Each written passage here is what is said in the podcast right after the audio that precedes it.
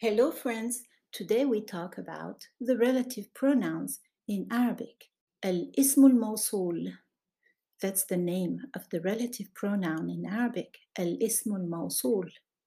And uh, we have singular forms, dual forms, and plural forms.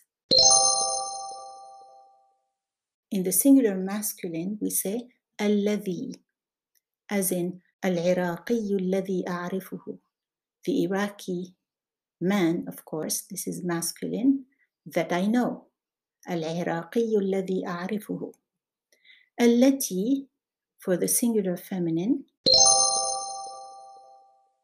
so how would you say this sentence in the singular feminine give it a try okay العراقية التي أعرفها the Iraqi lady that I know.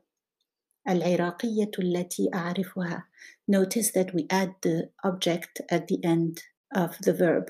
We have to include the object in the relative sentence. So again, العراقي الذي أعرفه in the masculine singular and العراقية التي أعرفها in the feminine singular. Check out my YouTube channel and my books on Amazon.